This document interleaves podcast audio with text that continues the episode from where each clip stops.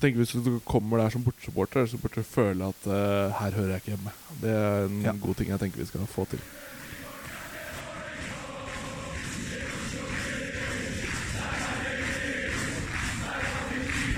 Du hører på Stang ut på overtid, en lydfanzine om Vålerenga fotball. I denne episoden skal jeg snakke med to representanter fra selveste klanstyret. Jeg satt med Sebastian Hytten og Christian Arens etter supportermøtet klubben hadde på Bohemen eh, torsdag i forrige uke. Den har fått ligge et par dager på fat, sånn at eh, den skulle være påskeklar. Og neste gang vi høres, da er antageligvis serien i gang. Så med et lite sier jeg god påske og setter over til eh, Bohemen. Ok, da sitter vi her i uh, annen etasje, er det det? Tredje etasje, over Bohemen. Tredje er det vel fort? Tredje, ja. Tredje. De, dere har overvært en, eh, en sånn Q&A-spørsmålsrunde med Dag Eiliv Fagermo nede. Var det bra stemning? Og Joakim Jønsson. Og Joakim Jønsson. Mm. Det er jo ganske imponerende at de stiller sånn over bardisken ansikt til ansikt med supporterne. Jeg vet at vi ikke har lov til å rapportere ut fra hva som ble sagt konkret, men føler dere dere eh, roligere eller mindre rolig før sesongen nå? Det er jo interessant å få førstehåndskilder på mye av de tingene vi sitter og diskuterer daglig på Twitter og i diverse chatter. Eh, og så blir man jo alltid optimistisk av å høre på Fagermo, for han har jo alltid ståltråda på alt. Og det er bare han selv som er stopper for at det ikke blir gull i år heller. Sier han. Det er litt inntrykket man får da etter uh, man hører på han snakke i en times tid. Ja, altså, han- han er jo Fagermo er jo god til å snakke for seg. Eh, og så kan han jo Han kan jo troppen. Og han kan jo spillerne hvordan han ønsker å spille. Så det, det er alltid interessant å, å diskutere litt med han. Eh, det får vi muligheten til iblant. Og det, det er spennende. Og de som har fått lov til å diskutere det litt iblant, det er eh, Se, nå satte jeg meg på ledningen her. Her sitter jeg med altså to nyvalgte medlemmer av klanstyret. En var nyvalgt, og en som har vært på gjenvalg. er det ikke det? Ja. Nei, altså jeg var ikke på valg i, valg i denne runden. Nei? Nei. Kan vi høre hva, hvem jeg er? i Jeg er eh, Christian Arens. Jeg er nå på mitt uh, fjerde Begynner på mitt fjerde år, da. Så det er Fagermo og meg. Vi er på fjerde året, har vi funnet ut i dag. Ja, jeg heter da Sebastian og er på mitt første år som fast medlem i klanen. Uh, satt, har sittet i ett år som vare, ja, ett år som uh, varemedlem i klanstyret. For, eh, velkommen skal dere være. I dag skal vi da snakke om klanen, med klanen, og hva klanen har vært, og hva klanen er, og hva klanen egentlig har lyst til å være. Uh, Sjøl har jeg vært medlem av klanen hoppsi, så lenge jeg kan huske. Det har vært litt sånn by default. Alltid betalt eh, den medlemssummen. Og jeg har også, som vi skal komme tilbake til, innimellom lurt litt på hva jeg betaler. Hvorfor, hvorfor er dette viktig for meg? Hvorfor gjør jeg det? Men eh, jeg gjør det jo, så noe må det jo være. Um, klanen har jo siden starten i 19, altså 1991, det er over 30 år siden, vært et ordentlig lokomotiv i utviklinga av norsk tribunekultur. Og på sitt største så hadde klanen var 10 000 medlemmer rundt årtusenskiftet. årtusenskiftet. Mer enn det òg. Ja, mer enn det òg. det var alt som skjedde på tribunen, var gjennom klanen. Det var forsangere, det var det som ble laget av TIFO, det som ble laget av turer. Organisasjonsarbeidet for å bedre supporternes rettigheter. Altså alt Mm.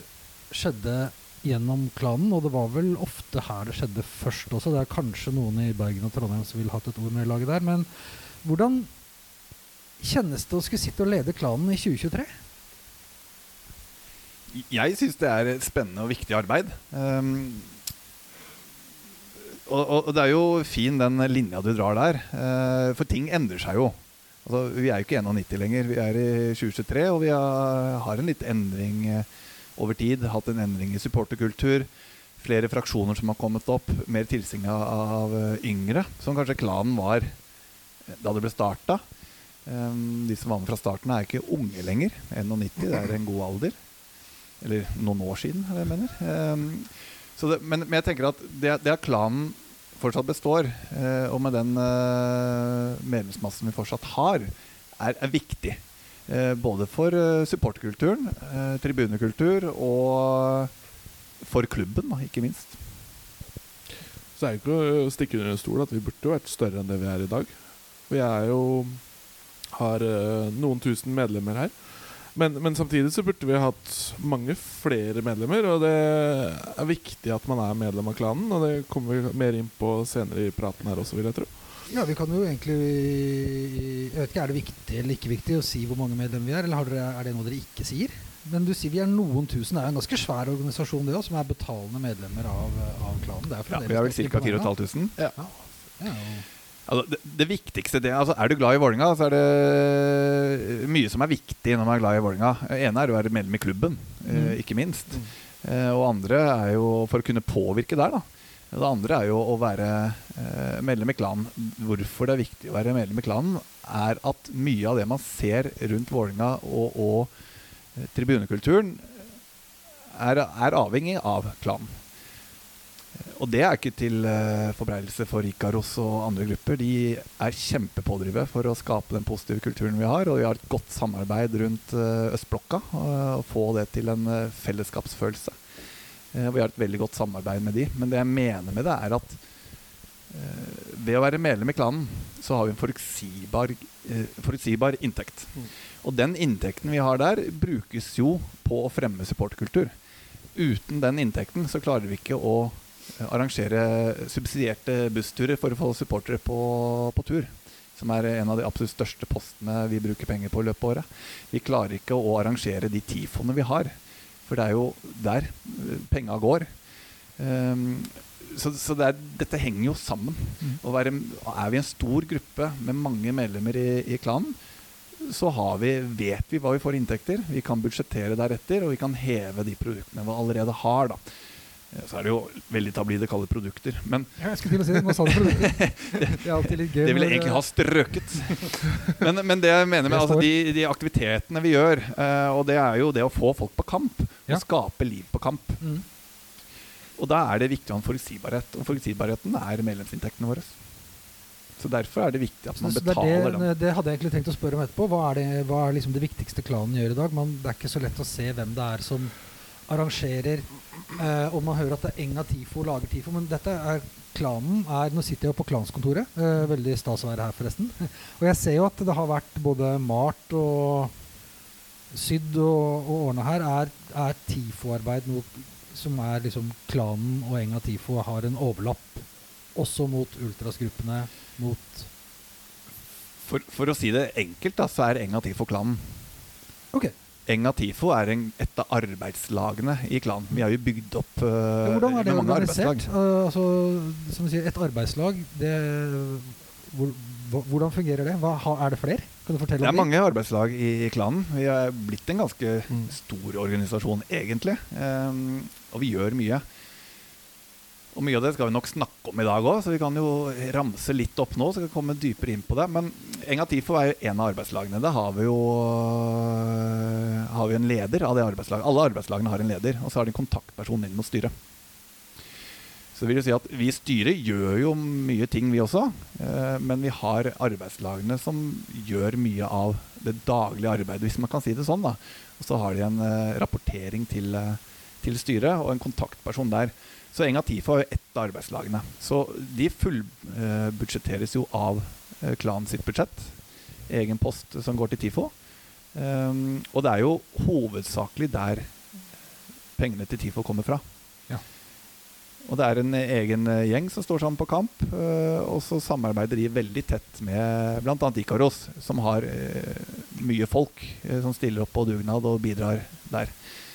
Mens økonomien ligger hovedsakelig til klanen og den som står for, eh, for det. da. Rundt det er jo veldig interessant. Vi har jo funnet en god symbiose der, hvor Enga Tifo har pengene og Ikaros har folka. Eh, selv om det er jo en del som stiller opp for Enga Tifo. Jeg er selv veldig aktiv på Tifo-dugnader. Og ja, det er morsomt å se da, at det er Selv om man tilhører kanskje to forskjellige grupperinger, så er man side om side og står for det samme på alle mulige områder. Men er, er klanen liksom en gruppering i dag på tribunen? Kan vi si det? Nei. Eller Jeg vil si det at mer en organisasjon? Klan har jo blitt en ø, organisasjon ø, s- Ja, vi er en organisasjon, men også en, en organisasjon som ønsker å være for alle.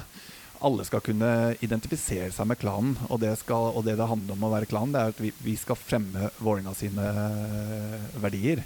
Vi skal være en store på tribunen, og vi skal være mangfold. Uh, og, og det, hvis man sier klanen er det og det, så vil jo mangfoldet bli borte. Vi vil at mange skal kunne definere seg som en del av klanen, og et fellesskap det tilbyr. Der er jo kanskje forskjell på den paraplyen østblokka har blitt, da, og klanen. er jo at Klanen er jo vel så mye langsidene også. Mens østblokka er jo først og fremst stående syngende supportere på tribunen. Så det, selv om man er to paraplyer, så vil jeg si at det er en stor forskjell på de to paraplyene. Det grepet rundt uh, østblokka som noen uh, har sittet og jobba med, åpenbart. Uh, sånne ting skjer jo ikke av seg sjøl.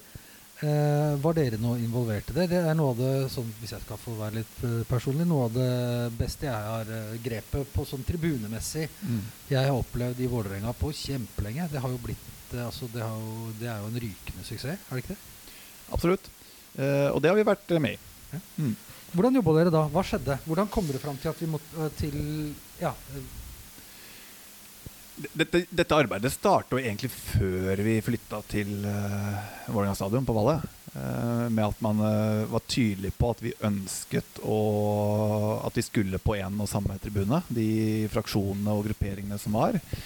Uh, og så har vi jo snakket sammen hvordan ønsker vi å ha det.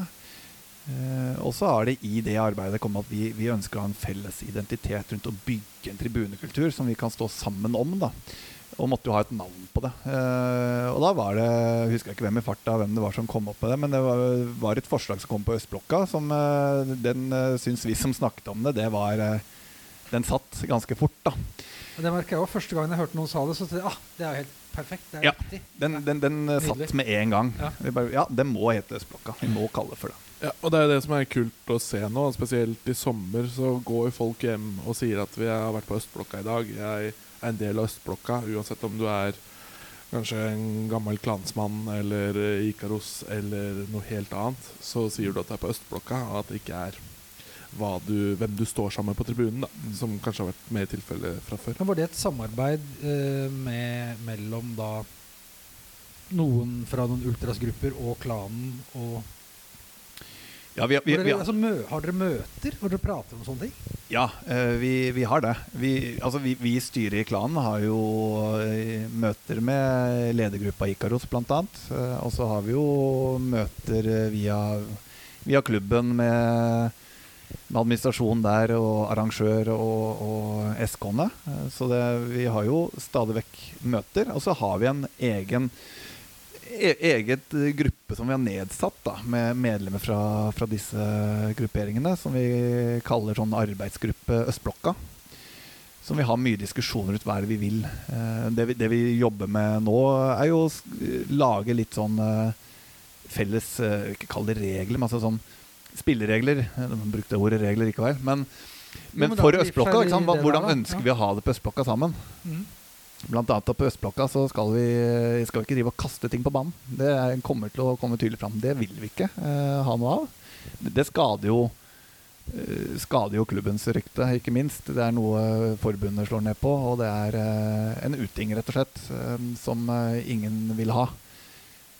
Så det- er ett eksempel på når vi være en sånn retningslinje. Hvordan skal vi ha det på, på Østblokka sammen, og hvordan skal vi skape god eh, stemning? Da.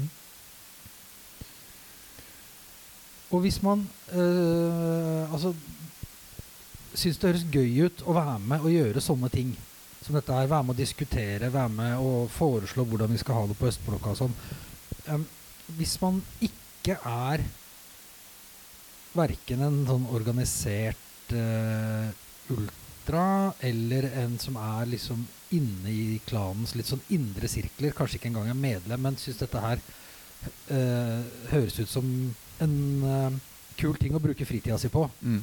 Hvordan Har dere noen kanaler man kan liksom Kan man ringe? Kan man sende en melding? Hva, hvor, hvordan kommer man i kontakt med Hvis man sier fader, jeg har lyst til å være med i si TIFO, da. Eller være med å diskutere. Kan man sende Kan man melde dere?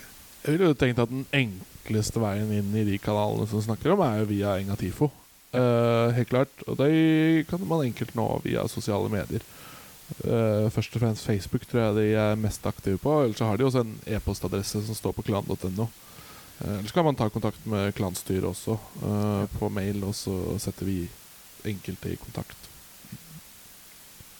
Så det er, det er retningslinjer der. Så kan du legge til at man, eh, det, det man ser på Østblokka nå, og også på, på langsida der, med den eh, fargene som har kommet opp, blå rød maling, eh, graffitien på forsida, det er jo kommet gjennom denne arbeidsgruppa. Da. Det er vi som har jobbet med det. Og det er jo videre planer om å, å fortsette å videreutvikle det grafiske uttrykket på tribunen. Da.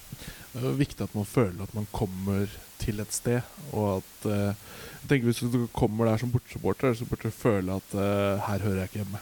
Det er en Ja. god ting jeg tenker vi skal få til. Og så har det jo blitt et sted hvor man som hjemmesupporter veldig føler at her hører jeg til, her er jeg hjemme. Det har jo blitt veldig, veldig sånn behagelig og digg å gå på kamp. Har dere vært involvert i noe av det som skjer utafor stadion også? Blir dere rådført der, eller er det klubben og arrangementsdelen av klubben som driver? Ja, for da er vi litt inne på arbeidslaget igjen, og arbeidsoppgaver i- inn i styret. Vi har også egne personer som har konkrete oppgaver knyttet mot akkurat det der. Mm. Arrangement eh, inn mot eh, styret eh, og, og alt det der. Sånn, vi er sparringspartnere med, med klubben, da. Uh, og det er jo Det har vel ikke vært en eneste arrangement uh, på torget utafor stadion uten at vi er en bidragsyter på en eller annen måte.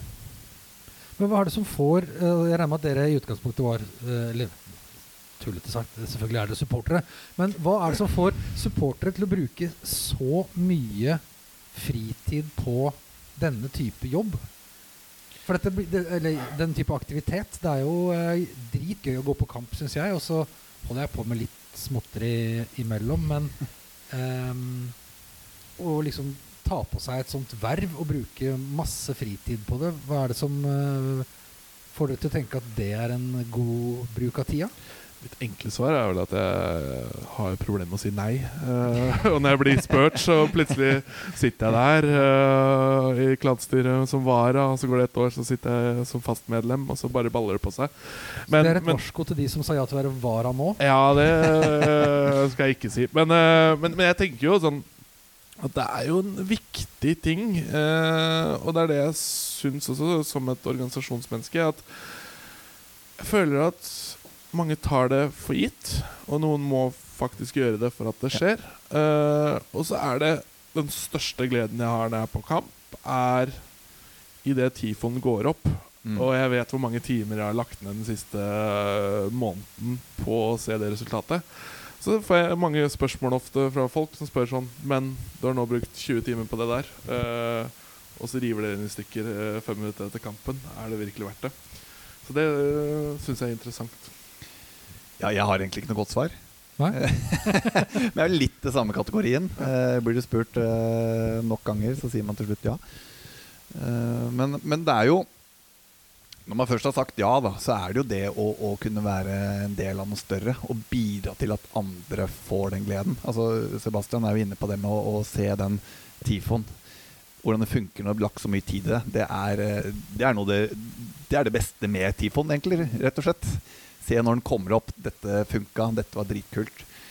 Nå eh, Det var verdt det. Mm. Vært, og det er jo gøy å lage nå. Vi har det mye moro med å lage. TIFO. Nå har ikke jeg vært så veldig aktiv i å lage TIFO de, de siste årene. Eh, Det er en stund siden jeg var aktiv i Enga TIFO. Det handler jo litt om eh, barn og andre ting. Men jeg husker det fra den tida òg, at eh, det, det, er, det er helt rått når du ser resultatet det kommer opp. For du, du har ikke fått testa det før, sånn ordentlig. For du har ikke folka til å bidra. Du kan dra opp en O og se at den ligger riktig, men du skal ha andre elementer med flagg og ark og mosaikk og forskjellige ting. Og da, når du ser alt det der funker sammen, så er det kult. Så glemmer de ja, det er over nå, men nå er det kamp. Så da, da, da, da switcher vi i modus. Ja. Går rett i kamp. Men jeg tenker at det, det å man jobber, jobber Jeg vil ikke kalle det jobber, men man, man har jo tatt på seg et verv. Da, sånn sett, men man, så, sånn så blir det jo riktig å si at man jobber jo for at andre skal få en god følelse når de går på kamp. Da. Og bidra med det, så er det i hvert fall det som gir meg energi. Nå har dere begge to sagt uh, sånn, ta på seg verv, organisasjonsmenneske. Er, dere, er det flere organisasjoner som har glede av deres uh, engasjement? Er det liksom noe du har som en sånn det Altså, jeg jobber jo med organisasjon, uh, og så er det dessverre for mange organisasjoner som også utnytter meg på å si. Men jeg kjenner jo det at det er noe spesielt å jobbe i klanen og inn mot Vålerenga. For det er, det er jo blitt en såpass stor del av på en måte hverdagen og livet at jeg føler jeg får mye mer igjen for den arbeidet jeg legger ned her i klanen, enn det jeg gjør andre steder. For min del har jeg blitt flinkere med årene å si nei. Eh, og det har jeg bare måttet lære meg. Det var jo en periode hvor jeg merket at eh, Nå skal vi noen år tilbake, men at eh, man merket at venner sluttet å ringe for å høre om de skulle være med på noe, for jeg kunne jo aldri. Eh, og det handla jo om at man var bundet opp i andre ting. Det, da, den perioden så var jo Dette er jo tilbake i 2010, rundt der. Da var jo aktivering av TIFO. Eh, jeg jobbet først eh, frivillig for eh, Vålerenga fotball, og så fikk jeg en lønna stilling der etter hvert. Så, så jeg brukte jo all tida mi på Vålerenga. Så jeg fant jo ut at eh, skal jeg eh, gjøre noe annet også, så må man begynne å, å, å takke for seg i visse ting. I tillegg til at jeg hadde full jobb ved siden av. Så jeg dro jo rett fra jobb til Valle eh, for jobben der, og så ble man gjerne igjen, for da var det en tid for dugnad på kvelden. Og så det, det ble lange dager. Og gjerne bort i helgen, da, for da var det kamp.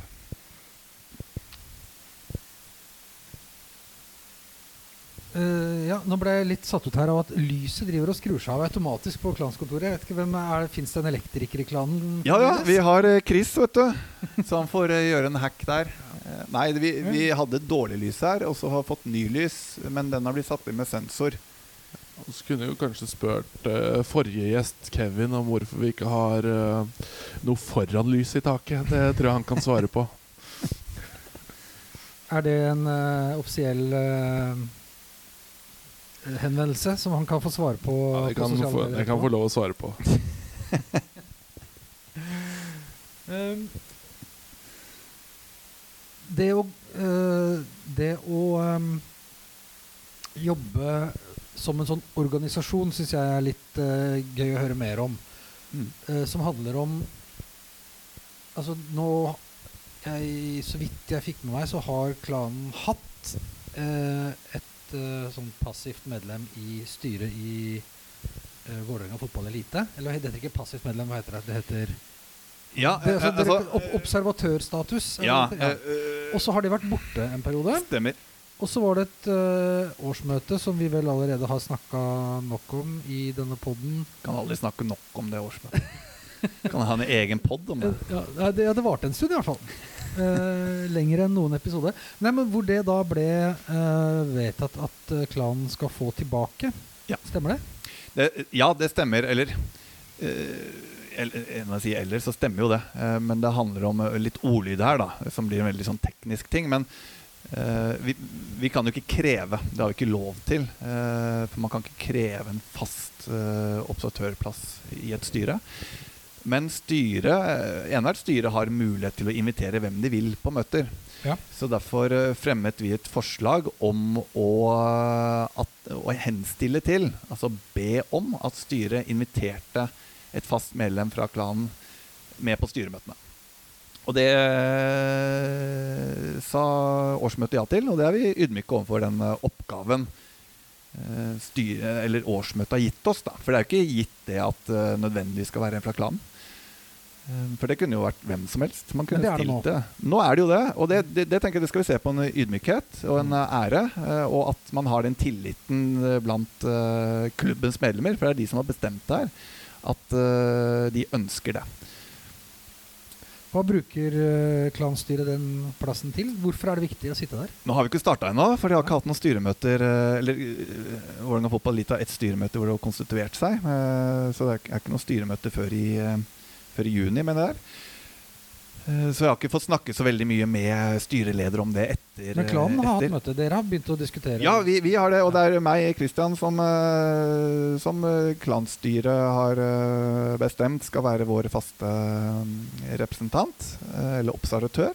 Og så er det Anders Bø som er vara for meg, da.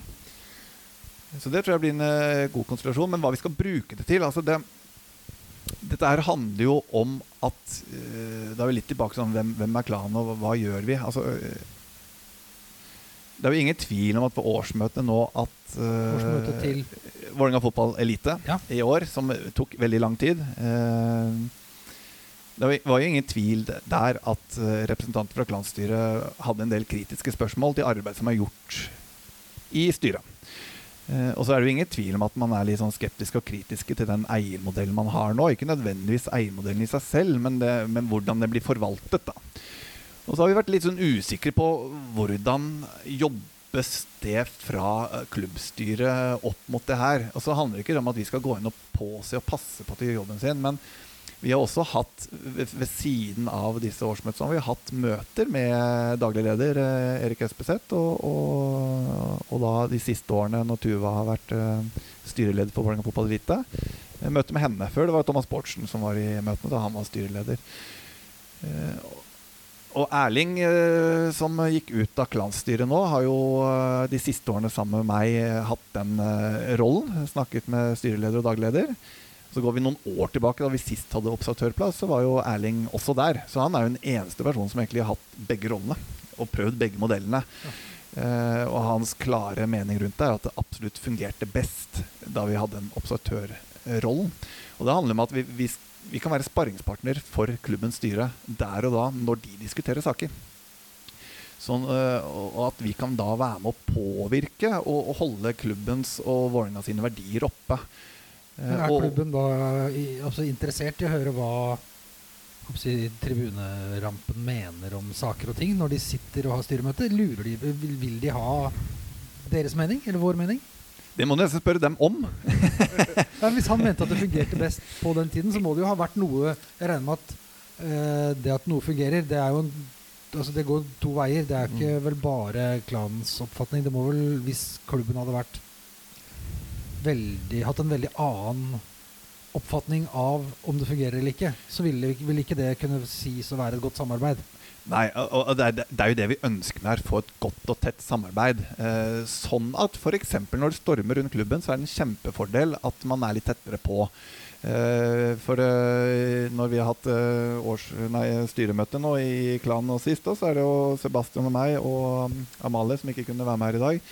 Som, eh, som klanstyret har konstruert som uh, talspersoner for klanen. Da. Så vi får jo forespørsel fra presse. Mm. Og det er jo en kjempefordel. Uh, og det, det må også si når jeg først har sagt det, at pressen kommer til oss, er jo blitt en uh, vanlig sak kanskje for pressen. At de kontakter klans, klans, klansstyrets talspersoner. Sånn har det liksom blitt og vært i alle år. Um, og det er en kjempefordel at at de personene som eh, skal uttale seg om noe som skjer i klubben, når vi får spørsmål om det, så er vi tett på. Vi vet faktisk hva som skjer. Vi har direkte innsikt i hva som skjer rundt klubben, og vi kan samarbeide om hvordan skal vi uttale oss, hvordan skal vi bygge opp det her for klubben sitt beste. For det, det er jo ingen av oss som Ja, vi skal være kritiske i media når det er eh, viktig å være kritiske, men det er jo ingen av oss som ønsker klubben noe vondt. Så det der er jo en balansegang. Hvordan kan man være kritisk på en god måte? Eh, og, og det har vi en mye større mulighet for når man har et tett samarbeid og tillit til hverandre, sånn at man kan spille hverandre gode i sånne seanser, f.eks. Og jeg tenker det Selv om man har et tett dialog med både styre og daglig leder og sitter på mye kunnskap, selv om media tar kontakt, så er det ikke alt som blir sagt også. Det er jo mye man får vite om i fortrolighet som Absolutt. ikke kommer ut. Og det er jo den skape en tillit der, øh, og vise at man fortjener en tillit, er viktig det for å liksom bygge et videre forhold. Og det er som Kristian sier, at vi alle vil jo Vålerenga sitt beste. Både de som jobber i klubben, de som sitter i styret, og oss som supportere. Men det å ville klubbens beste, det, det regner jeg med at er ganske ukontroversielt. Men så er det jo ofte en, eh, en definisjonssak hva som er klubbens beste. da. Ja. Eh, Du var inne på den eh, samarbeidsavtalen. Ja. Eh, Den er vel en uh, het potet i den sammenhengen. Vi har fått et Absolutt. spørsmål på Twitter der fra, fra Lars Skau, som var uh, gjest for noen uker siden. Han ja. har selvfølgelig stilt spørsmål om det. Han spør om Dette er litt relatert. Mm. Nødfonda Ja. legger han inn i det. Uten at vi trenger å Eller vi kan jo tenke hvorfor det henger sammen. Men nødfonda, hvor store er de, og hva skal de eventuelt brukes til? Da må dere nesten forklare hva det er. Og så spør han da, som en del to av spørsmålet, eller del tre blir det, jobber dere aktivt mot at samarbeidsavtalen skal reforhandles i 2028? Det var to spørsmål. Det var tre. Tre. Altså det han spør meg først, Ta det enkle først. da Nødfonda. Nødfonda, ja. Kan jeg først forklare hva det er? For det er Ja, noen altså, som hører på som ikke vet hva det er. Og da kommer vi inn på økonomien. For klanen er jo Vi har noen fond. Eh, så når det står nødfondet, så er vel eh, Vi har ett nødfond. Eh, og så har vi et 1913-fond, Ja. og så har vi et breddefond.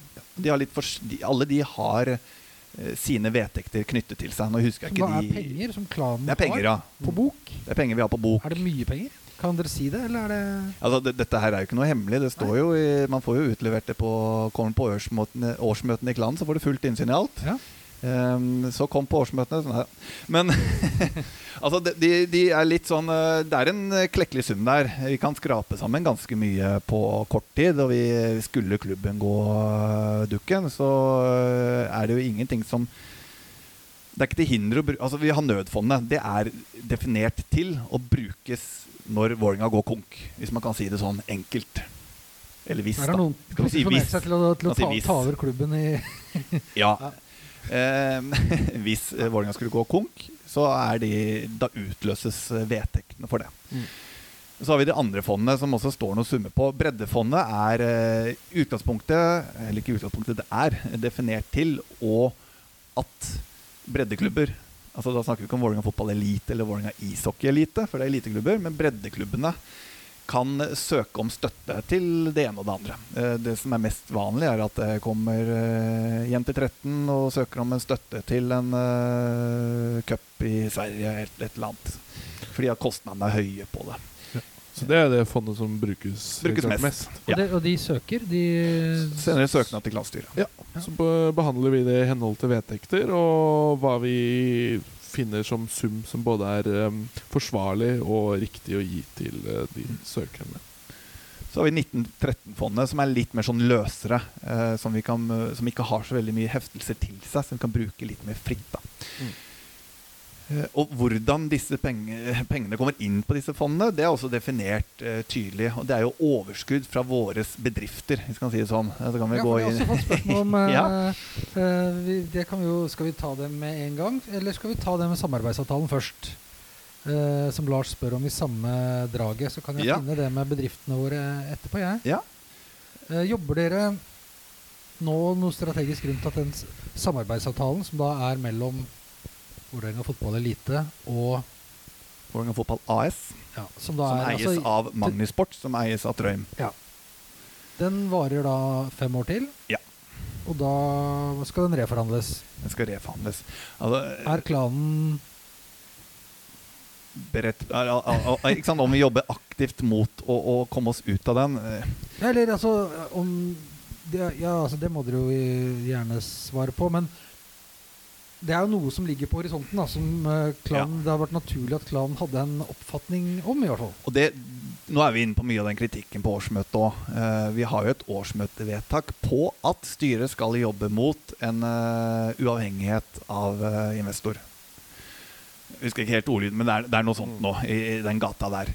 Um, og så ser vi at den avtalen som er nå, eh, den er jo på bunn og grunn på mange måter grei. Og så er det jo som uh, vi har hørt i poden tidligere, at det er jo en del ting der man stusser litt på ordlyd og hvordan dette er bygd opp. Men uten å gå for mye inn i det, så handler det om at vi i klanen ønsker jo også, og mange av klubbens medlemmer, for dette er jo et vedtak på medlemmer, altså årsmøtet til klubben, at man ønsker at Vålerenga fotball skal være en selvstendig klubb uten avhengighet av en investor.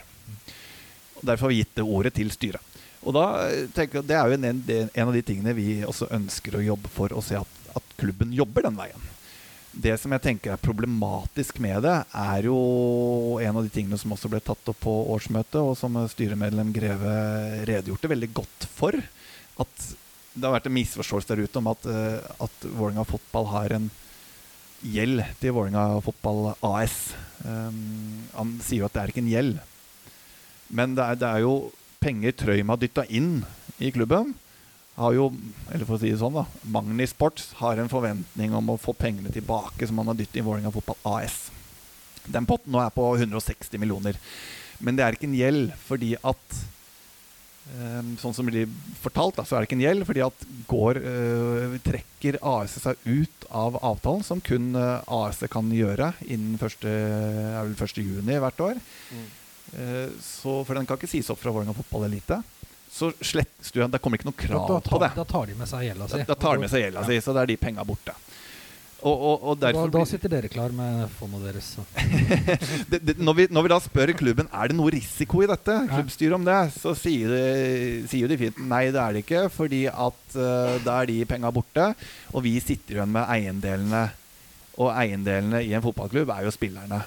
Eh, og så, som vi hører også Fagermo snakker om i dag, så er jo dette her Og, og det er jeg for så vidt enig i. Det er jo en spillertropp med ekstremt potensial og kan være verdt mye penger. Så har vi sett at det begynner å gå en del spillere fra Norge for ganske store summer òg. Så har vi jo 15 landslagsspillere.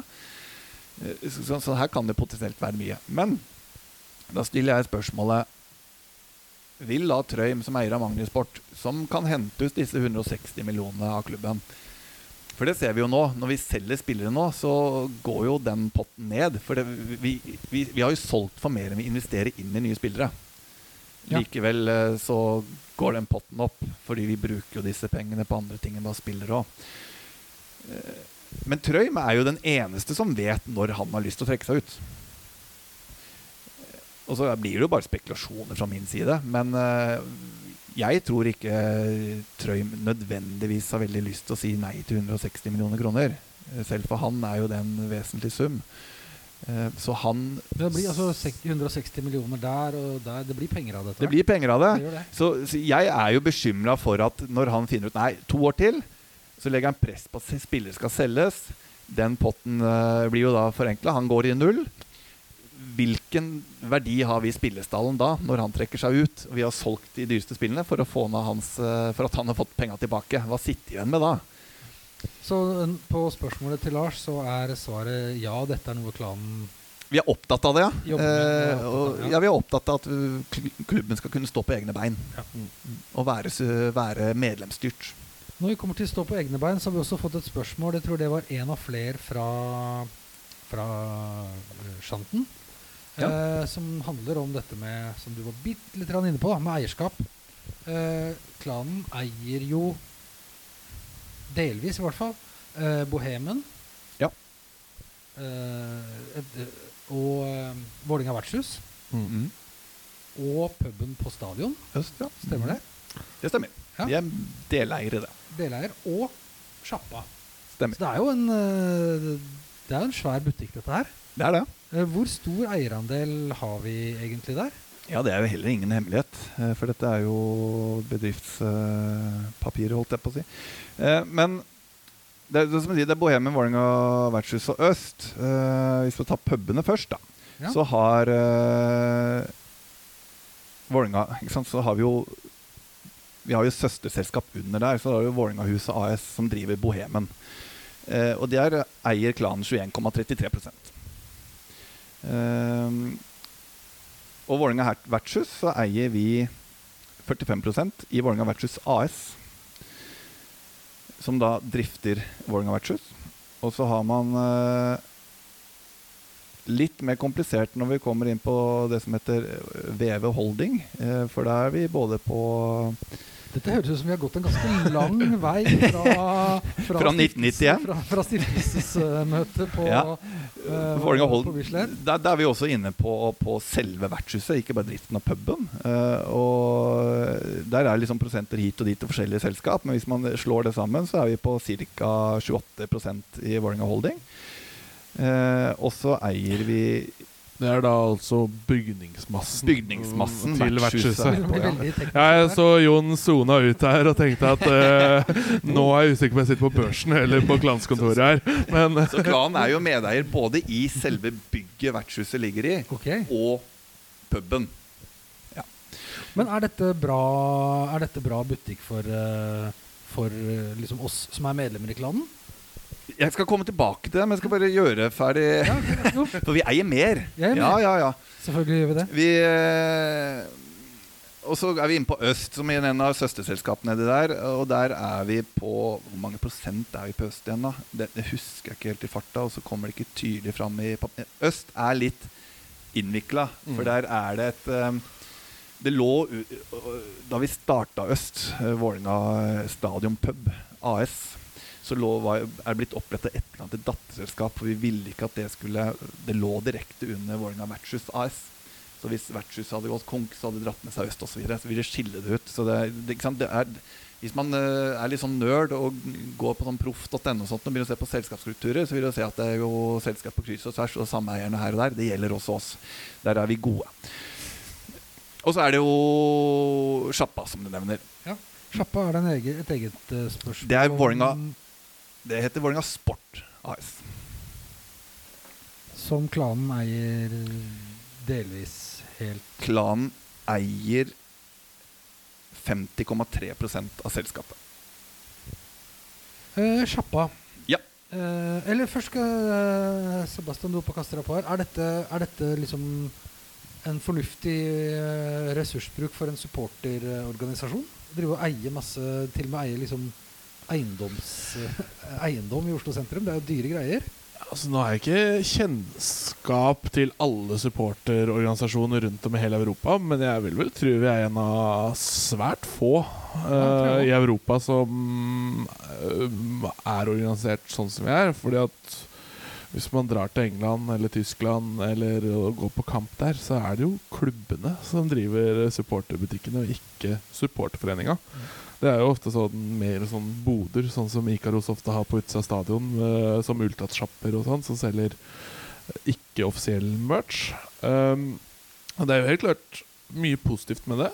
Uh, og det her kan Kristian mer om enn meg, men det er jo helt klart en Selv om vi i klanen eier det her, så er det lite vi i klanstyret sitter og styrer fra dag til dag. Fordi at det her har vi jo et eget arbeidslag for, som vi snakka om også tidligere, som heter Spenn og sånn.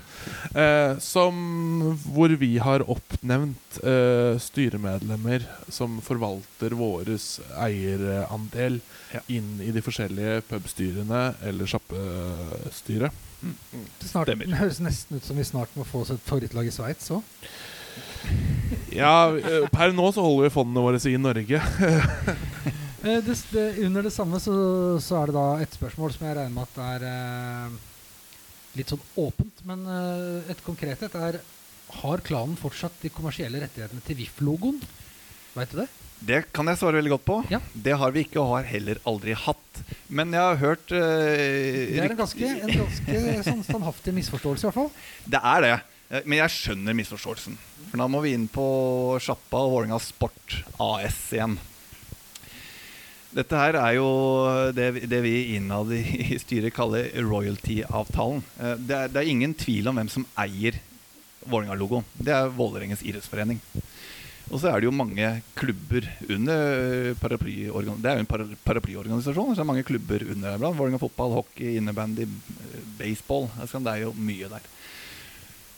Um, og for å forvalte rettighetene rundt dette, så er det inngått en avtale mellom foreningen og Vålerenga Sport AS om forvaltning av det som er liksom, av inntekter og det man kan tjene på denne logoen.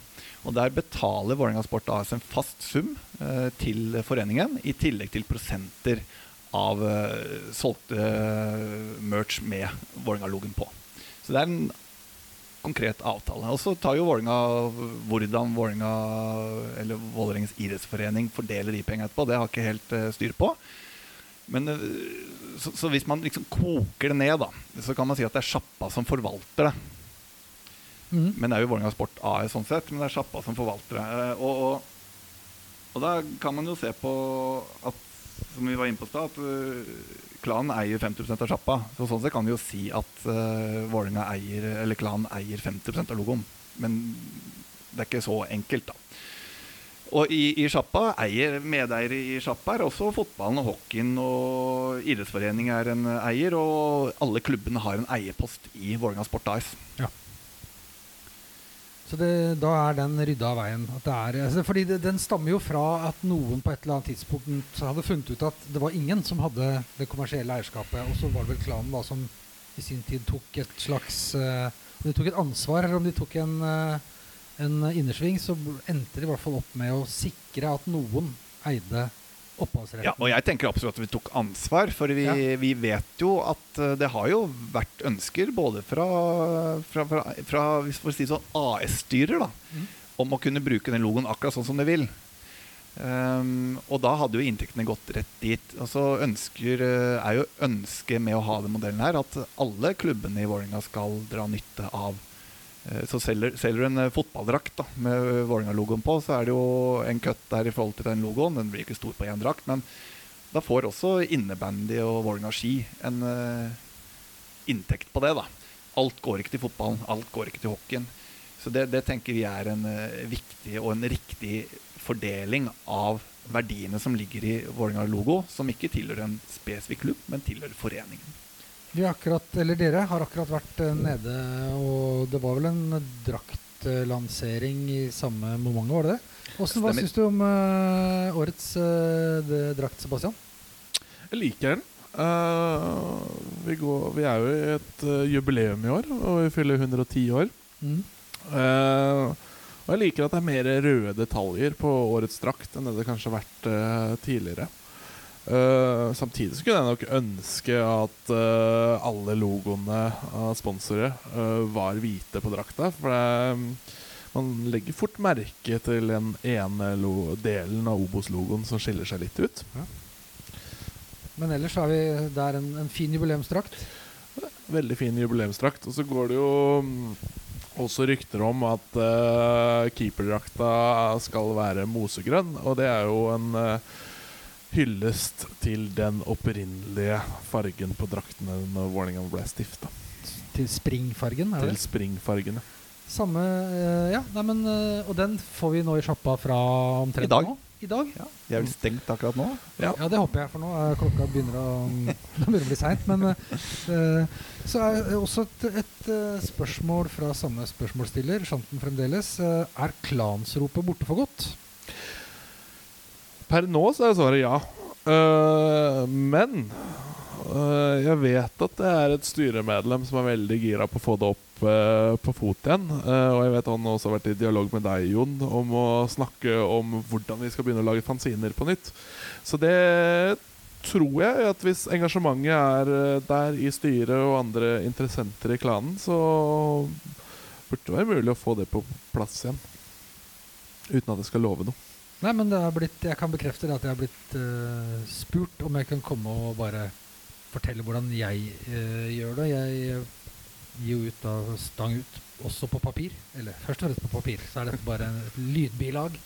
Uh, og jeg heier, heier veldig på det. Jeg syns det er en, eh, egentlig en eh, utfordring eh, alle som er aktive supportere rundt eh, klubbene sine, om det er i Obos, om de er i eliten, om de er lenger ned.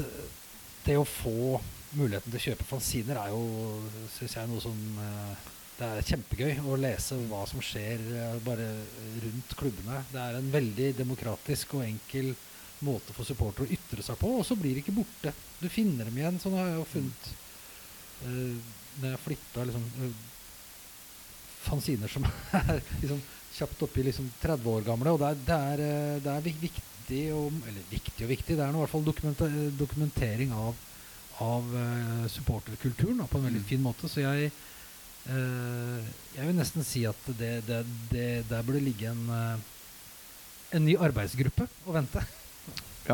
Absolutt.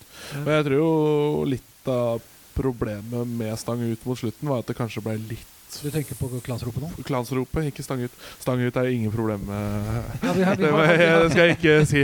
vi har, Men, vi nei, har hatt vårt, vi også, ja, for all del. Nei, men, men jeg eh, tror litt av utfordringen med klansropet var at det blei for avansert. eh, Både trykkekostnader Ja. og ja, de- hvor altså, de fancy sendte- det skulle være. De være. sendte det jo ut i posten til alle Ja da. betalende medlemmer, og da satt jo folk her og putta 10 000 X i konvolutter. Det er klart, man må ikke dit. Det går Nei. an å lage en blekke på, på eh, 45 sider, eller 44 sider og selge utafor stadion også. Mm. Og jeg har lest gjennom noen av de gamle utgavene, og det, det, altså, nivået er jo enormt. Det, det, det ble jo en, rett og slett en, et, liksom et sportsblad. Det er nesten Josimar, liksom. Jeg, jeg, husker at jeg gledet meg jo til eh, Klansropet kom. Ja, ja, det var Og når kjempegøy. det kom i postkassa, så var det første du gjorde var å sette deg ned og begynne å lese. Ja. Eh, Og, og jeg tror det, det er litt sånn eh, På mange måter litt problemet vårt også. jeg har jo hørt på de andre podkastene og hørt det har blitt snakket om det. Når det kommer til sanger òg. Altså, de siste sangene vi har fått, har så høyt nivå. Så skal vi komme med en ny en som liksom topper det. Det, det ikke sant? Klansropet hadde så høyt nivå, så skal vi komme noe må, vi må leve opp til noe. Tifon, ikke sant? Du må hele tida bygge videre og gjøre det bedre, gjøre det større. Man, eh, det er ikke nødvendigvis at man må det, men man føler kanskje at man må det. Ja, altså det, det er helt klart det. Altså Vi sitter jo hele tida med inntrykk at vi Vi var størst, og vi skal være størst, og da må vi bli bare større og større og større. Altså Til Ja. slutt så når vi kanskje et punkt hvor det er vanskelig eh, å faktisk vokse eh, med kvalitet. Min oppfordring der vil være å legge lista litt lavere. Rett og slett. Det, det tror jeg Så kan vi eh, kanskje glede oss over eh, et glansrop på print i løpet av sesongen. Det er i hvert fall, eh, det er i hvert fall lov å håpe på. Um, vi har også fått uh, noen, noen flere spørsmål. Uh, folk var veldig nysgjerrige og hadde veldig gode spørsmål denne gangen, uh, synes jeg. Her er det Line som spør. Melder yngre supportere seg inn i klanen nå? Hvordan jobber dere for å være aktuelle for nye supportere? Jeg jeg begynne å svare på det. Altså Et av mine mm, Altså Jeg sa i stad at eh, eneste grunnen til at jeg takka ja til å sitte i klanstyret, var at jeg var dårlig på å si nei. Eh, men en av tingene jeg tenkte på når jeg var på tribunen, var at når jeg vokste opp, så var klanen viktig. Og jeg føler at det fortsatt er viktig. Eh, men samtidig så satt jeg kanskje med et inntrykk at de som satt i klanstyret, var gamle litt eldre gråhåra menn som ikke hadde så mye Som ikke jeg følte kanskje hadde så mye um, likt med meg. Men jeg ser jo nå, etter å ha sittet og blitt kjent med de i løpet av de siste åra, at vi er jo helt like alle mann. Uh, men at Ja, fordi, jeg altså, du, du sikter da til den stereotypen som var i periode, med sånn, en skalla mann med snus og ja, hettegenser. ja, jeg snakker om Jeg trodde Jostein du skulle til å si 'uten noe liv', men det var bra det ikke var det du Nei, vi snakker om Jostein Ellingsen, egentlig. Men, uh, men, men det har vi jo endra litt på. Altså, du jeg kom inn i fjor Ja, Det er ikke mye grå hår å spore der, da. Nei, nei, nei. Men jeg kom inn i fjor og er uh, halvparten av alderen eh, til veldig mange andre i styret. Eh, og etter årsmøtet som var nå for to uker siden, så er jeg plutselig fjerde yngst i styret. Og det tenker jeg er veldig positivt for fremtida. At vi går gjennom et stort generasjonsskifte nå. Så er det veldig fint at vi har med oss eh, gamle ringrever i styret som er villige til å dra lasset videre. Absolutt. Jeg tror det er en fin eh, sammensetning vi Mm, har. eh, helt klart. Så nå har det, altså, har det kommet til en Om ikke en generasjon, så i hvert fall noen folk som er enda yngre enn eh, Hvor gammel er du, Sebastian? Jeg fyller vel 27 til sommeren. Så er det tre stykker i- klanstyret som er yngre enn deg. Det må jeg si er eh, Det er litt overraskende og veldig gledelig. Ja, jeg, jeg så ikke det komme Når jeg ble valgt inn i fjor. Helt, eh, hvis jeg skal være helt ærlig. Men det, det rimer jo bitte lite grann med noen av de observasjonene som flere har gjort, og som øhm, Når jeg snakka med Var det vel i første episode, hvor vi var i, inne på det med at plutselig så har det kommet en del unge folk uh, på tribunen som ingen helt veit hvor Eller ingen vet hvor kommer fra, det blir en veldig rar måte å si det på. Men uh, at det, det har kommet til en ny generasjon da, som, Ja. øh, som, som tydeligvis også er eh, organisasjonsmennesker. Ikke bare lyst til å henge rundt og fyre bluss og se på TIFO og, og storme banen etterpå. Absolutt. Og det, det har vært morsomt å se. Ja, kjempegøy. Eh, og kan, kan jo bare legge meg på det som har blitt sagt på podden her tidligere, at eh, bygget rundt det tror jeg er viktig. Det med Østblokka-bussen og kunne fange litt yngre Lage en yngre, yngre kultur, hvis man kan si det sånn. Eller en kultur for de yngre. Um, så det, jeg tror det er kjempeviktig. Og så var jo vi i forhold til rekruttering, der, der har ikke vi vært gode. Og det, uten at vi fikk eh, direkte spørsmål om det på årsmøtet til klanen, så tok vi også selvkritikk for at det, der, der må vi gjøre noe. Vi, vi må gjøre oss eh, aktuelle å bli medlemmer i. Jeg, jeg, jeg vet ikke om eh, de unge som henger på tribunen der, har de meldt seg inn i klanen? Aner ikke. Så vi må gjøre litt rundt det der. eh, Fange opp disse og, og, og vise dem at eh, det dere er med på her, eh, det får vi til fordi at vi har medlemmer. Og så tror jeg det at jeg, jeg tror en faktor har vært at hvis man tenker tilbake før, skulle du komme inn på, på klansfeltet på, på Ullevål, så måtte du være medlem i klanen. Skulle ha Ja, for da var det faktisk uh, forhandla fram at de som skulle stå på langsida der, de måtte være betalende medlemmer av klanen. De måtte vise bevis på i luka. Ja. Og, skulle ha sesongkort også, måtte være billigere sesongkort, måtte du være medlem i klanen. Og så er jeg helt for den linja man har lagt seg på nå, at eh, Østblokka skal være for alle som har lyst til å, å være support for Vålerenga, og du må ikke være medlem i klanen. Eh, helt enig i den linja. Eh, samtidig og, og, og det at det, det, du også får rabatt være medlem i klubben. Kjempebra og viktig. Men så der har man jo endra, endra litt. Det var jo ikke fokus på det før. Det var medlem i klanen, og det var det som gjaldt. Eh, Så det tror jeg også er Nå kan du jo velge om du bruker de 300 kronene på å være medlem i klanen eller i klubben for å få rabatten på sesongkortet, eller egentlig få tilbake penga på sesongkortet. Uh, Og det tror jeg også spiller litt inn at at man- har det valget og ikke man nødvendigvis må være medlem seg for å være en del av det. Så det spiller nok inn. Samtidig som at eh, jeg tenker at det er viktig at den muligheten er der. Uh, absolutt.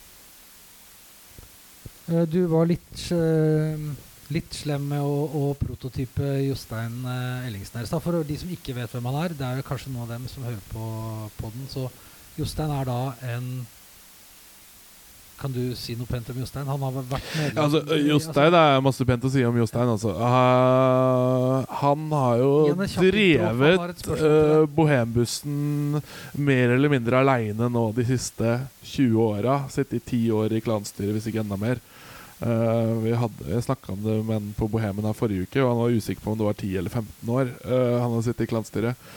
Men eh, Jostein har vært en primus motor for spesielt bussmiljø og busskulturen, musikk, eh, veldig mye rundt Vålerenga og klanen de siste 20 åra, minst.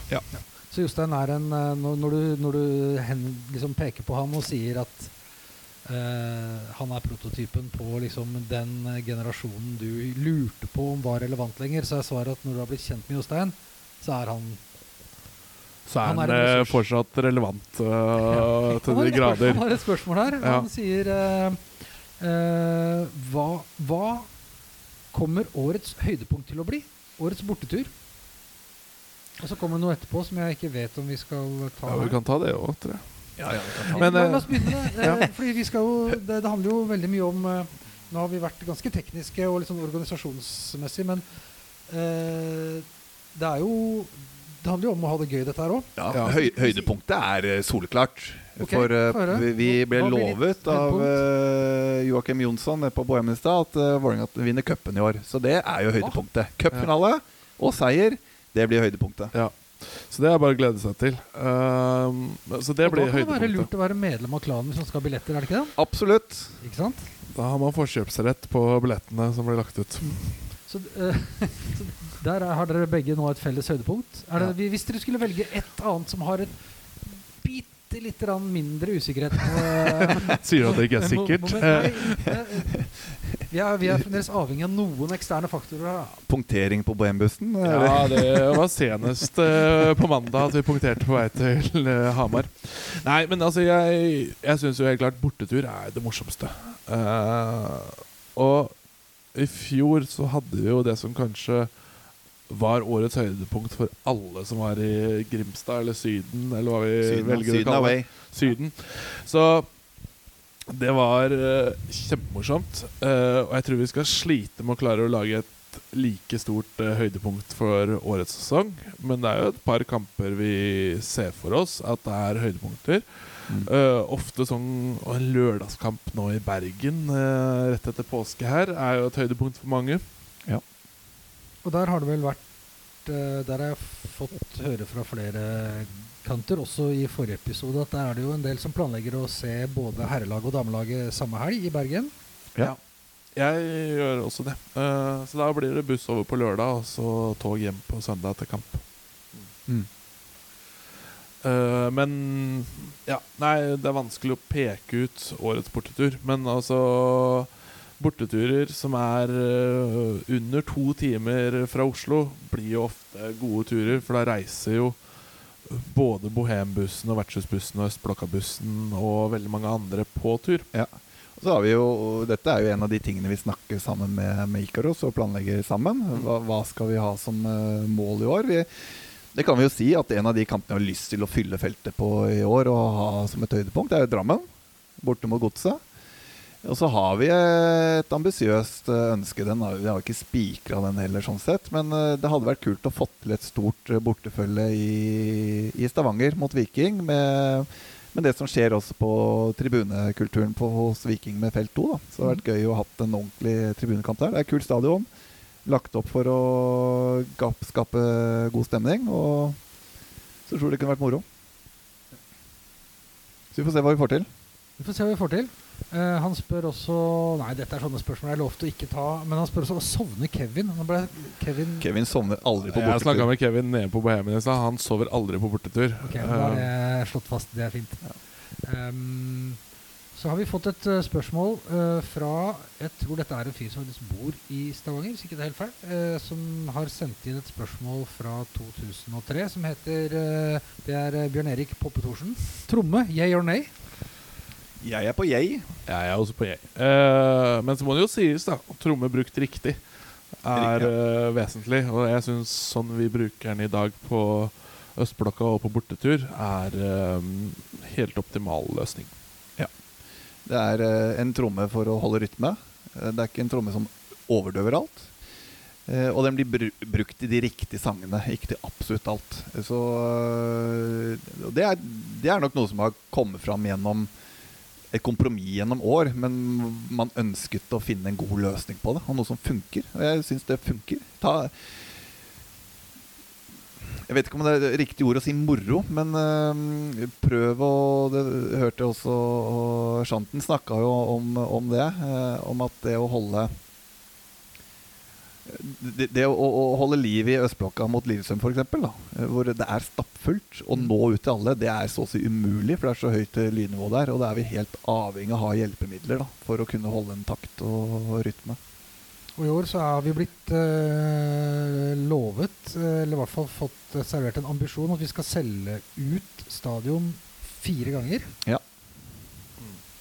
Det, det har vi også snakka om tidligere, men det er jo det er en høy ambisjon. da. Det er det. Klan, har klanen noe liksom noe no, noe del i det? Bidrar klanen da med sine sånn organisasjonsmuskler eller sitt uh, kontaktnett eller noe sånt? Noe? Altså, jobber dere sammen med klubben rundt det? Hvis de sier at eh, ok, nå er det 16. mai, da skal vi selge ut Da skal det ikke være et sete å oppdrive. Ja, altså no, noen, noen kamper plukker jo øh, Sier seg selv, ikke sant. Eh, Lillestrøm hjemme 16. mai, de er jo sånne kamper som, øh, som peker seg ut. Og så er det jo motstandere faller på riktige dager. Eh, Brann, Rosenborg osv. Eh, men, men det, det stemmer jo det at Så, så den, den gjør liksom terminlista for oss. Men vi, vi jobber tett uh, i forhold til å hype kamp og få, få til et trøkk rundt der, sammen med, med med klubben og, og Ikaros også der. Med, å bruke sosiale medier og stemningsvideoer og, og spre de rundt og mane på å kjøpe billetter. Så det, det, det er et samarbeid, det ligger en plan bak det. Så legger vi også indirekte mye, altså sånn som Øst under eh, stadion, når de har eh, ekspanderer områdene sine og store ølsalg på utsida også, er jo eh, en del av det klanens virke er, da. Så har vi jo solgt ut en tredjedel av stadion før sesongen begynner nesten i år. Det er jo Det er kult. Ja, det er litt Ja, det er eh, kjempekult. Um, eh, vi skal kanskje ikke ta VAR-diskusjonen nå etter at vi har sittet her i godt over en time, men eh, vi har fått også et spørsmål fra en uh, Twitter-bruker som heter Jeg tror det står Psychtech. Engasjerer uh, klanen seg mot VAR i løpet av sesongen? Det er lov å si at det ikke fins en plan for det hvis de ikke gjør det. Altså, så det Nei, ja, greit. men altså Tingen er jo litt sånn Det ble spurt om nede i stad også, inn mot Ja. Fagermo og Ja. Jokke, om hva de tenker om VAR. Uh, og de også er jo enige at sånn fra oss som står på tribunen, så skjønner de at VAR er noe tull. At det ødelegger spontaniteten på tribunen. Men, men samtidig så er det liksom sånn Man føler jo litt nå at VAR er der, og man kan hate det og mislike det så mye man vil, men samtidig får man ikke løst uh, eller bli kvitt VAR. Jeg tror man måtte finne en måte man kan leve best mulig på det, og håpe at det blir best mulig. Og, så er det jo et tydelig eh, årsmøte igjen i Vålerenga fotball elite. Eh, ble det jo stemt for et forslag om at uh, Vålerenga fotball skal jobbe aktivt mot VAR. Uh, og det, det handler jo om uh, altså Sånn som det er nå, den TV-avtalen som er nå, så, så kommer man ikke ut av det. Det er bestemt. Men da er det jo sånn det aktivt jobber mot at uh, styret har fått beskjed om det, og være imot. Altså blir det en, skal man stemme på fotballtinget, så skal de stemme imot. Og, og så jeg tenker det viktigste nå, det er jo å sørge for at uh, ikke den VAR-greiene blir en kommersiell greie. At det blir sånn som i hockey med powerbreak, og vi skal ha reklame, og dette VAR er sponset av, osv. For Da åpner vi for ganske skumle muligheter for kampfiksing, og hvem skal egentlig gå videre fra i dette mesterskapet? Ja, Er Størst det- verdi for Mastercard å få videre Brasil, eller? Så, så det, det, det blir jo det viktigste i den perioden som er nå. eh, men samtidig være tydelig framover at ved neste medieavtale så er ikke det noe vi ønsker. Så har vi akkurat uh, avslutta et, eh, en semifinale i ishockey Stemmer. i, i går. Mm. Uh, vi- der har vi også fått spørsmål uh, fra eh, en som kaller seg Hovedstaden, om klanen vil engasjere seg mer på hockey. Da må jeg spørre, jeg har vært veldig lite på hockey. Jeg var på min første kamp på Nye Jordal for bare halvannen uke siden. Jeg har, har klanen vært lite til stede på hockey? Hvis du tar det første spørsmålet, skal engasjere seg mer. Det er jo litt sånn veldig åpent. Hva, hva, mer fra hva? Eh, men, men om vi har engasjert oss? I, i, ja, det har vi. Um, og det er nok uh, Vi har absolutt ikke vært flinke nok til å kommunisere det og promotere hva vi faktisk gjør rundt hockeyen. Men hvis man tar det siste året, da um, så kan vi nesten gå, gå det såpass langt at klanen uh, har engasjert seg inn i, i styre og stell, sånn at uh, vi har fått rydda opp i et eh, et vanskjøtt uh, forhold uh, der, og et styre som ikke fungerte. Vi har fått uh, på to år nå, eller på to styremøter, fått satt inn et styre vi har tro på kan føre uh, Vålerenga videre. Det er jo absolutt et engasjement. Um, Ja, det, det er jo et litt overraskende svar, egentlig. Men jeg, jeg, jeg tolka det som om han, eller vedkommende, var på tribunen. Ja. Jeg, jeg kom, og, og det med tribunen er jo litt sånn som uh, andre har fått spørsmål. Hvorfor er ikke Ikaros på hockey? Altså, vi, vi kan ikke tvinge folk å gå på Det kan ikke vi som klan heller. Vi, vi oppfordrer til det, og vi prøver å skape et engasjement rundt det. Ved å, sant? De, de festene som har vært utafor Jordal også, med telt, uh, de, de har vi stått bak. Det å få øh, vertshusbussen, at den får parkeringsplass ute for åpningen, så man kan gå ut og få seg forfri- forfriskninger i pausen, det, det er et klasseinitiativ. Og de møter med klubben hvordan de kan bygge opp kommersielt. Det har vi. Så vi, vi engasjerer oss mye inn den veien for å skape en interesse for å gå på hockeykamp. Mm.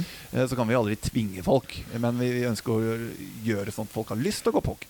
Ja, og Det er jo kanskje litt av det kjernen av utfordringen til klanen her også, som vi har snakka om mye på styremøter, men også tidligere i den praten her òg, at vi gjør veldig mye usynlig arbeid som Mm. veldig Kanskje ikke vi er gode nok på å skryte at faktisk vi gjør. Um, og det har kanskje vært litt av kjernen ja, i liksom klanens mentalitet fra 91 og fram til i dag. At man, man gjør det man gjør, men man skal ikke være høye og mørke og si hva vi faktisk har gjort. Skal fram til klubben. Ja, nettopp. Da, har, eh, da vil jeg oppfordre dere til å bli flinkere til å skryte av dere sjøl, fordi eh, den jobben som har blitt gjort, og den jobben som gjøres, er eh, ganske formidabel. Og eh, hvis det er sånn at eh, Altså, hvis ikke det hadde vært for at klanen var så godt organisert, så hadde jo det å gå på kamp i Vålerenga vært en mye, mye dårligere opplevelse for sånne som eh, oss, de fleste andre av oss, som kanskje betaler medlemskap, men ellers egentlig ikke bidrar med noe annet enn kanskje litt sangstemme og noen kroner i kassa på øst. Så der syns jeg dere bør ha en ambisjon om å finne noen måter å, å, å, å la dere selv skinne litt på. Ja. Eh, ikke på tale. Eh, spør her også Hva er klanstyret mest gira på å gjøre i året som kommer? Skal man finne på noe nytt og spennende? Ser dere noen forskjell på påmelding etter den endelig kom seg på nett? Jeg vet ikke om det er påmelding til turer? hun mener der? Ja, vi har jo klanstyret, eller turgruppa i klanstyret, eller klanen, tok jo det Også et arbeidslag. Også et arbeidslag. Uh, tok jo det store steget ut på The World Wide Web, uh, som vi skrev en sak om på klanen her. Så det vi gjør nå, er at uh, tidligere så har man jo meldt seg på via sjappa når man har meldt seg på buss.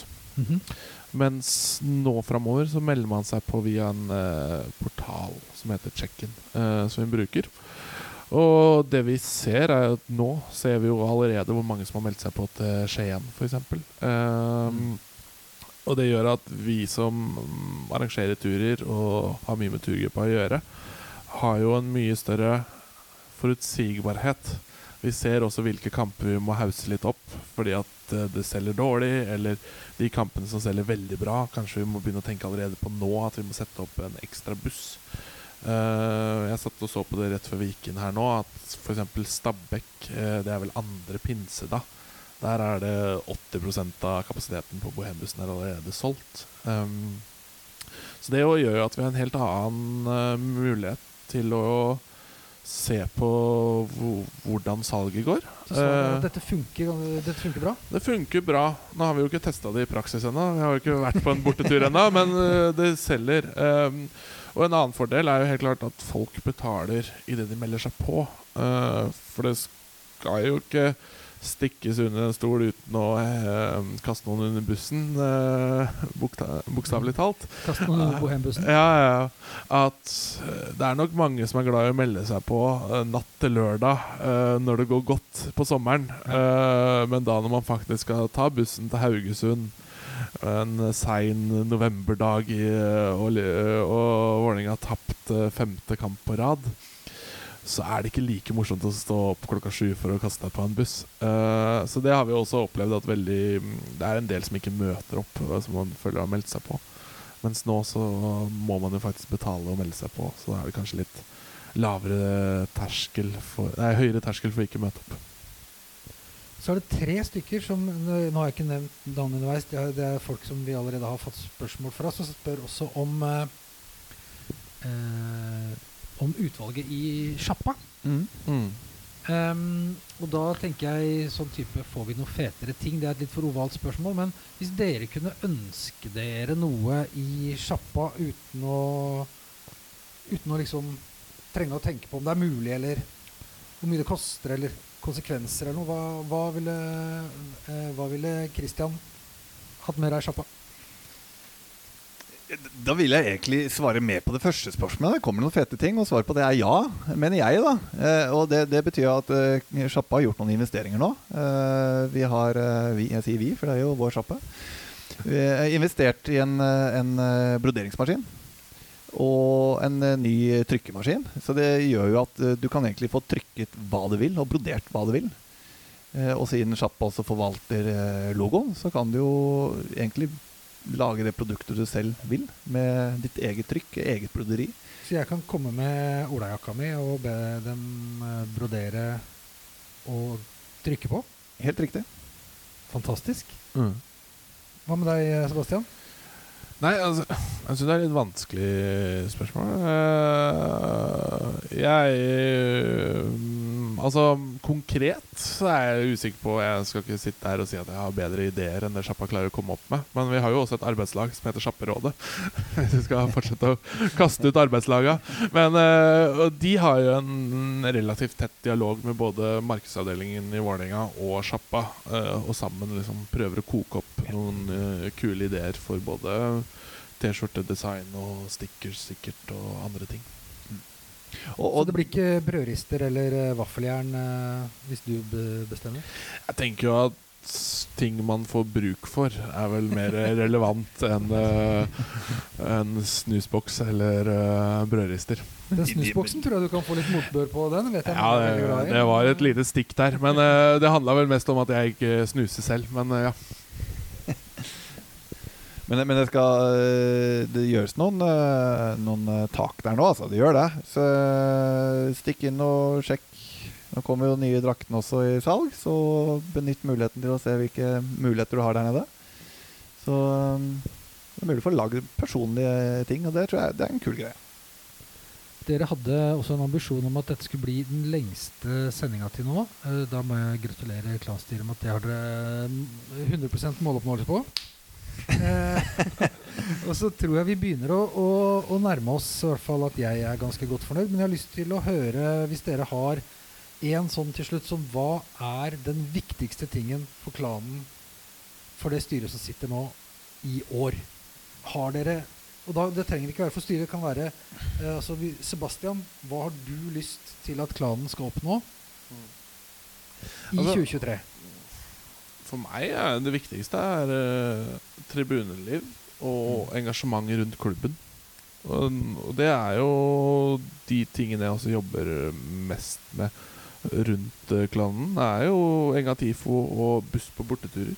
Og jeg syns det er det viktigste. Og samtidig så må man, man liksom også engasjere seg rundt klubben inn mot styret. Viser at man er eh, en viktig partner, da. Og ikke bare den som er og prikker deg på skuldra og sier eh, noe hver gang du gjør noe feil. Christian?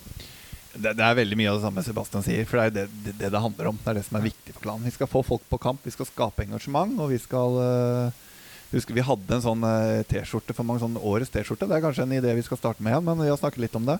Som sånn Revolt, øh, verdensherredømme og årstall. Så men det er svulstig å si det skal verdensherredømme, men det handler jo om det at man skal skape noe stort sammen, da, og et samhold. Og at vi skal dominere på tribunene i Norge i 2023.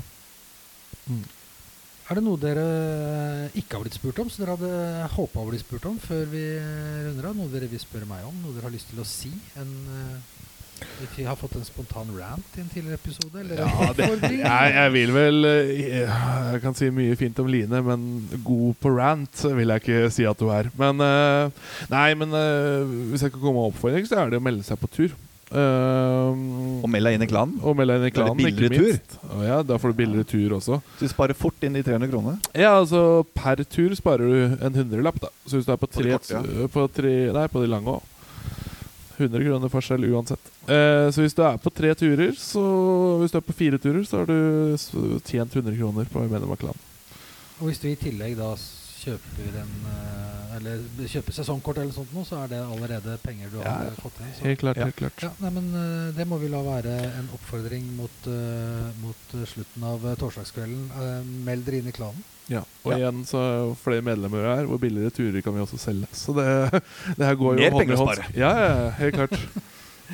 Da lurer jeg på om jeg har kommet uh, Vi har runda uh, Runda kortstokken eh, for i kveld, Kristian Christian Sebastian. Må dere har tusen takk. Det har vært en lang dag for dere. Dere har jo vært da og arrangert eh, møte med trener, sportslig ledelse på Bohemen først. Mm. Så har dere sittet her i eh, en eh, god halvannen time med meg eh, etterpå. Eh, tusen takk for eh, innsatsen dere gjør. Takk. Takk for Takk at vi fikk samme. komme.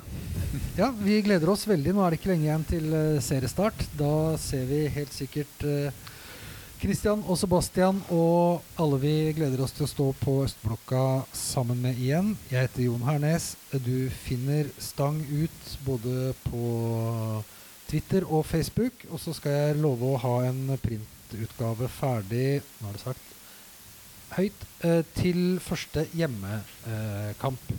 Vi ses!